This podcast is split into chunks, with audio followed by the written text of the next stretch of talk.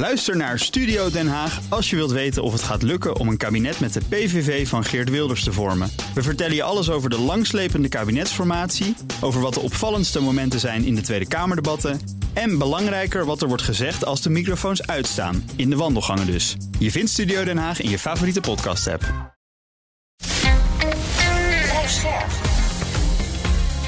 BNR Nieuwsradio. Boekenstein en de Wijk. Klerks. Welkom bij Boekenstein en de Wijk. Het is donderdag, dag 379 van de oorlog in Oekraïne. En we hebben een vraag van Frank Veringa. Hij schrijft: Beste Arend-Jan, Rob en Hugo. Ja, je moet het met mij doen, eh, sorry Frank. Ik ben een promotiestudent natuurkunde en ben momenteel op een conferentie in Las Vegas, de APS March Meeting, georganiseerd door de American Physical Society. Een van de focus sessions ging over de aanval van Rusland op Oekraïne, de effecten van de dreiging van nucleaire oorlog en de toekomst van arms control. En daar sprak onder andere Rose Geutemuller. Um, en uh, als trouwe luisteraar van de podcast moest ik hier natuurlijk wel eventjes naartoe. Geutemuller zei dat het de hoogste prioriteit is van de VS uh, om eigenlijk te zorgen dat Rusland afziet van het gebruik van kernwapens. Zien jullie dit nou ook zo? En zo ja, is dit nog steeds zo? Of is het verkrijgen van een goede onderhandelingspositie voor Oekraïne nu belangrijker? Ik durf bijna de vraag niet te beantwoorden. Want dan krijg ik weer heel Twitter in Nederland over me heen. En dan word ik weer afgescheept uh, als een Poetin-versteer en een Chamberlain. Als ik zeg van ja, die kernwapens zijn buitengewoon belangrijk. Dus eigenlijk, dan begin jij maar. Ja, ik ga beginnen. Dan kan mijn, uh, kunnen mensen bij je uitschelden. Kijk, waarom hebben de Amerikanen twee kernwapens ingezet uh, bij Japan hè, in 1945? Omdat Japan zelf geen kernwapens had. Dus dan kan je het dus doen. Hè? De ellende is, Rusland heeft vele kernwapens. En je bent er dus nooit zeker van dat ze die niet zullen gaan inzetten. Zeker als ze wanhopig worden. Ik heb vandaag ook weer dat hele debat met Mersheimer en Carl Bildt met de studenten gedaan. En die maakt dit argument de hele tijd. Hè, van, het is, de wereld is onveiliger dan ooit. Ja. En Rusland heeft gewoon kernwapens. En het is veel onveiliger dan nu in de Koude Oorlog. Want juist als die desperate is, hè, als hij wanhopig is, en dat kan die dus worden als Bakhmut niet valt en er mislukken een heleboel dingen en mobilisatie levert ook niks op, dan heeft hij een enorme prikkel om het toch te doen. Het zou dus onverstandig zijn om te zeggen dat dat gevaar er niet bestaat. Want dat is er gewoon wel. En dat was ook de reden dat Burns van de CIA dus ook naar Istanbul vloog. En zei hmm. van, luister eens, als jullie het doen jongens, dan zijn er serious consequences. En weet je wat dat ja. dan nog erger maakt? Natuurlijk is het zo dat als uh, uh, Poetin het doet, dan gaan de Amerikanen natuurlijk conventioneel reageren. En dat weet Poetin ook, dat, wij, dat de Amerikanen niet zomaar nukes gaan gebruiken. En dat betekent dat hij, dat hij, dat hij het misschien dus echt gaat doen. Mm. Snap je? Dus de afschrikking ja. werkt ook niet meer zo goed. Ja, nou ja, kijk, het hele punt is, uh, je moet ook even realiseren wie dit zegt. Ja. Uh, Roos uh, Gottemuller is echt een autoriteit op dit gebied. Het is een voormalig onderminister van Buitenlandse Zaken van Amerika, maar ook belangrijk, ze is ook een ondersecretaris-generaal geweest van de NAVO, tot ja. redelijk recent. Uh, ik herinner me nog goed toen zij um, secretaris-generaal, althans ondersecretaris-generaal van de NAVO uh, werd. Toen um, kwam ze bij mij langs uh, in Den Haag. En uh, we, kennen, we kennen elkaar al heel erg lang. Omdat wij ook in dezelfde tijd waren gepromoveerd. En uh, feitelijk ook op hetzelfde onderwerp waren gepromoveerd, namelijk kernwapens. En ze kwam langs, en dat is dus alweer een behoorlijk aantal jaren geleden, zeg maar een jaar of vijf, zes geleden. En toen zei ze van, volgens mij worden kernwapens in een nieuwe wereldorde gewoon steeds belangrijker. Wat vind jij er eigenlijk van? En wat, wat, wat moeten we hiermee? Dus zij had heel goed door uh, dat uh, wanneer die wereldorde aan het verschuiven is, uh, landen als China en Rusland bezig gaan met militaire avonturen, dat kernwapens een veel groter probleem gaan worden. Nou, dat is, ook, dat is ook gewoon uitgekomen. En nu zie je dus dat dat ook echt zo is. En die Amerikanen, die willen absoluut voorkomen dat deze zaak compleet uit de klauwen loopt. Want als er één kernwapen wordt ingezet, ja, dan is het hek van de dam. En dan weet je gewoon absoluut niet waar deze oorlog uh, eindigt. En dan uh, volgt er een automatische betrokkenheid bijna uh, van de hele NAVO en zeker van de kernwapenmogelijkheden Amerika voorop bij deze oorlog. En dat is iets wat de Amerikanen absoluut willen voorkomen. Dus zij monitoren dat heel goed. En dat is ook de reden waarom die Amerikanen iedere keer een stapje naar voren doen, kijken hoe het zit met de escalatie. En als het dan meevalt, als de reacties van Poetin meevallen, dan gaan ze door. En anders exact. nemen ze een stapje terug. En dat is gewoon het hele spel dat uh, gespeeld wordt. En dat is een typisch afschrikkingsspel uh, dat op dit ogenblik gespeeld wordt. En de nare waarheid is hoe succesvoller Oekraïne is in het terugdringen van de Russische krijgsmacht, hoe groter de kans dat het kernwapen wordt ingezet. Ja. Kijk, dat, dat soort vervelende dingen die willen mensen niet horen. Want ja. we houden niet van nucleaire chantage. Maar het is echt een serieus probleem. Ja, en tot, nu, toe wordt, ja. uh, tot nu toe worden wij meer afgeschrikt uh, hierdoor dan uh, Poetin zelf. En dat is denk ik ook van groot belang. want er zijn natuurlijk allemaal van die flinke mensen die zeggen van je moet je niet nucleair laten chanteren. Je moet gewoon erop losslaan en we moeten volledige steun geven. De Amerikanen willen dat dus absoluut niet. En Roos die zegt dat dus ongelooflijk goed.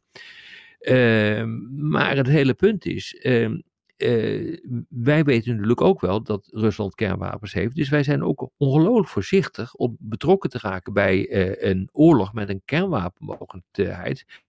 Waardoor we zelf getroffen, getroffen kunnen worden door kernwapens. Dus het, die afschrikking werkt van beide kanten. Dus eh, wij gaan niet, wij, het Westen, gaan niet al te ver en doen kleine stapjes naar voren. En eh, Rusland houdt zich aan rode lijnen, want die wil ook niet dat het compleet uit de klauwen loopt.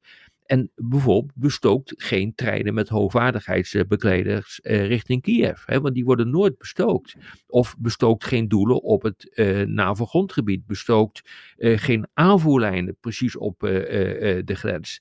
dus je ziet aan alle kanten dat er rode lijnen zijn dat allebei de partijen zich compleet laten leiden door die kernwapenproblematiek. En, en, en moet deze problematiek ook even verbinden bijvoorbeeld met iets als Bachmoed. Hè?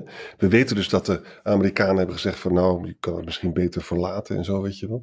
Maar hier zit dus ook achter van als Poetin Bachmoed zou hebben, heel misschien kan die daar dan, misschien is dat een soort gouden brug dan. Hè? Ja. Ik weet niet of het zo is, maar dat, ja. dat, het is goed om dat over na te denken. Ik denk dat we er uh, op een gegeven moment redelijk dichtbij uh, waren. En dat, uh, dat, dat de kans het grootst was dat de zaak zou escaleren.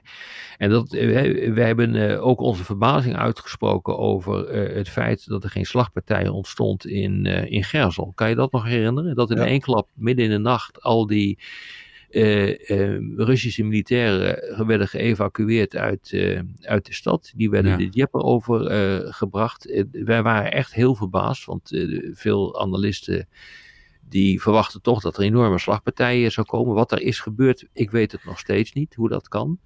Uh, maar realiseer, op dat moment um, was dat gebied uh, geannexeerd door uh, de Russen formeel. En was het daarmee Russisch grondgebied geworden, althans volgens het Kremlin. Volgens de rest van de wereld niet, maar wel volgens het Kremlin. Ja, dat is dus wel een reden om kernwapens in te zetten. En dat was ook de periode dat de Amerikanen buiten gewoon zenuwachtig begonnen te worden. En godzijdank is dat met een sisser afgelopen. Ja, dus je kan een beetje dus de conclusie die je kan trekken van het aanv de aanval op die Kerch-brug, hè, die aanval op Krim, die aanval op Engels, dat vliegveld, hè, dat ja. was kennelijk niet voldoende genoeg voor Poetin om het te doen. Dus er zit absoluut beheersing bij hem. Oh, absoluut. Maar, ja, ja. maar dat kan heel erg veranderen en het kan zeker veranderen als dus, stel je voor dat ze in een aantal maanden uh, Rusland behoorlijk gaat verliezen. Hè? Ja, en je moet je realiseren, want jij noemde zelf het uh, Burns, de CIA-directeur, uh, die naar uh, Turkije afreisde. Daar is gewoon duidelijk gemaakt aan de, de Russen. dat ze echt absoluut geen kernwapens moeten inzetten. De Chinezen hebben overigens hetzelfde gezegd en de Indiërs ook. Dus er wordt nu ja. ook druk uitgeoefend door andere landen van blijf met je poten van die kernwapens af. Maar het is een rationeel besluit voor Poetin op een gegeven moment om het toch te doen hoor. Dus je ja, moet er altijd rekening mee houden. En de oorlog namelijk, is niet voorbij. Ja, omdat namelijk het verliezen van de oorlog nog erger is voor hem. Dat maakt het zo erg. Hè? Ja, en dus, dus rechtvaardigt dat dit. Ja. ja. Dus het is weer een hele gezellige podcast voor het hele gezin. Ja, nou ja, weet je, het hele punt is natuurlijk wel uh, dat uh, dit, die hele discussie over die kernwapens, wat natuurlijk een verschrikkelijke discussie is, dat die uit het collectieve geheugen is uh, gedreven. Uh, Met name uh, de generatie die de Koude Oorlog niet bewust hebben meegemaakt. Ehm, en die tijdens de Koude Oorlog leefde men onder de dreiging van kernwapens. En gingen ook continu, als nieuwe kernwapens worden, ges zouden gestationeerd worden, gingen ging men massaal de straat op. Hè? Herinner je nog Mintjan Faber in de jaren tachtig? Ja, ja, ja. Nog steeds de grootste demonstratie ooit uh, gehouden in Nederland. Bijna een half miljoen mensen die gingen uh, protesteren tegen uh, de Pershing 2 en de kruisraketten die hier zouden worden gestationeerd in, in, in, in Europa. in reactie op de SS-20's van, van de Russen. Iedereen die dacht dat ooit een keer een tijd zou aanbreken dat de paddenstoelwolken boven Europa te zien zou zijn en dat dat het einde van de wereld zou betekenen. Dat idee is gewoon weg. En dat is echt tamelijk ernstig. En dat betekent dus feitelijk ook uh, dat voor een aantal mensen die zeggen van nou, wat kernwapens, die moet je die dan niet uh, door laten chanteren, uh, dat die ook volle kracht voorwaarts willen gaan zonder zich te realiseren wat dit betekent en wat afschrikking betekent.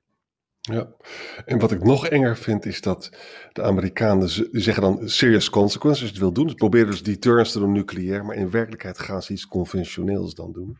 Ja. En dat weet Poetin. Ja, en, dus en dat is gewoon duidelijk gecommuniceerd. Ja. ja. Poetin komt gewoon weg met de inzet van een tactisch kernwapen, zonder dat hij het gevaar loopt op uh, uh, NAVO-troepen daar of uh, tactische kernwapens van Amerika. En dat weet die man. En ik vind het ja, gewoon. Maar hij weet ook dat er grote consequenties aan verbonden zijn. En ik, ja. en ik denk dat hij dus ook niet daarop gokt. Dus die, kijk, weet je, het punt is. De kans is, ehm, is niet heel groot dat het gaat gebeuren. Maar als het, als het gebeurt, zijn de consequenties gigantisch. En voor een planner, een militaire planner. Uh, en eigenlijk, ja, ik kom in, in zekere zin uit dat vakgebied. Voor een nieuwe, voor een militaire planner moet je ermee rekening houden. En is het een van de allermoeilijkste eh, punten, onzekerheden waarmee je rekening moet, moet houden. Dus het feit dat de kans niet zo groot is, Daarvan kun je zeggen, nou, ik neem het risico wel. Maar als het gebeurt, zijn de gevolgen zo groot dat ze niet te overzien zijn. Um, en dat maakt het heel erg lastig. En daarom moet je hier altijd rekening mee houden. En dit is precies waarom uh, uh, zegt van dit is voor ons prioriteit nummer één. Want ga maar eens de-escaleren als Rusland escaleert. Hè? Dat is waar je het over praat. Ja, ja, ja, ja, out of control waarschijnlijk. Maar dat weten we ook niet zeker. En godzijdank, uh, en ik hoop ook, ja, godzijdank is het nog nooit gebeurd op deze manier. Uh, Nagasaki, Hiroshima, er zijn kernwapens opgegooid door de Amerikanen, by the way. Maar een kernwapenoorlog, een tactische kernwapen, zijn nog nooit ingezet. Nee. Hmm. nee. Dus je nou, weet ook gewoon niet hoe dat loopt. Rob, allereerst uh, excuses namens de generatie die de Koude Oorlog niet mee heeft gemaakt. maar um, Frank uh, Veringa schrijft nog meer over uh, de conferentie in Las Vegas en ook over mevrouw Geutemüller. Want ze heeft ook gezegd dat de communicatie zo ontzettend belangrijk is tussen de verschillende partijen. Dat er altijd een dialoog moet zijn. En dat, dat zeggen jullie natuurlijk ook, schrijft, ja. Frank, schrijft Frank. Maar dat op dit moment Rusland vaak de telefoon wel oppakt, maar China steeds vaker niet. Wat, wat is daar het gevolg van? Ja, dat klopt. En uh, dat heeft dus grote consequenties in verband met de zaak rond uh, Taiwan. Het heeft uh, de spanning lopen op tussen de Verenigde Staten en, en China. En godzijdank wordt de telefoon wel opgepakt in Rusland. En realiseer je dat er achter de schermen veel meer contact is dan we denken. Ja. Um, er wordt bijvoorbeeld onderhandeld over graan dat, eh, dat gebeurt vandaag en morgen. Wordt er gewoon onderhandeld over het aflopen van de graandeel. Dus die contacten zijn er gewoon. Ook tussen de Amerikanen en de Russen zijn er contacten. Uh, ja, dus eh, dat, daar gebeurt het wel zoals het hoort. En het is redelijk uh, beangstigend dat die contacten veel moeilijker verlopen tussen uh, Amerika en China. Het is met, allemaal met die ballonvaart had het te maken. En bijvoorbeeld de Chinese minister van Defensie nam de telefoon gewoon helemaal niet op. En er was ook in China zelf misschien wel een groot meningsverschil tussen Defensie en Xi. Wie zal het zeggen? Hè? Het betekent gewoon, China heeft, uh, dit heeft betrekkelijk weinig ervaring met great power conflict in deze zin. Hè? En, uh, en, dat maakt het dus hartstikke instabiel. Maakt het hartstikke instabiel. Bedenk ook dat Xi heeft persoonlijk gezegd van ik vind dat Taiwan bij China hoort. Hij heeft zijn hele toekomst heeft hij daaraan verbonden. Hij kan eigenlijk niet zomaar terugklimmen. Hè? Dus het is, uh, het is, deze podcast wordt er niet beter op, jongens, om hierover te praten. ja, nee, maar kijk, communicatie is altijd nodig. En uh, dat, uh, daarom hebben we ook in het begin al gezegd van, kijk nou een beetje uit wat je doet. Want je zult wel de communicatielijnen moeten openhouden. En op een gegeven moment moet gewoon ook iemand ergens een handtekening onderzetten. Of dat nou een verdrag is, of dat dat nou een staakt het vuur is. Maar uiteindelijk weet je, moet je aan tafel gaan zitten. En wat daarna komt, ja, dat zien we dan wel weer. Ja. Ik denk dat we de vraag afdoende hebben beantwoord. Ja, dat, dat denk ik ook. Ja. ja, tot morgen. Gaan we morgen weer verder. Tot morgen. Ook Diana Matroos vind je in de BNR-app. Ja, inderdaad. Je kunt live naar mij luisteren tijdens de Big Five. Ook handig in de BNR-app. Breaking nieuwsmeldingen, maar ook het allerlaatste zakelijke nieuws. En je vindt in de app alle BNR-podcasts, waaronder Wetenschap Vandaag. Download nu de gratis BNR-app en blijf scherp.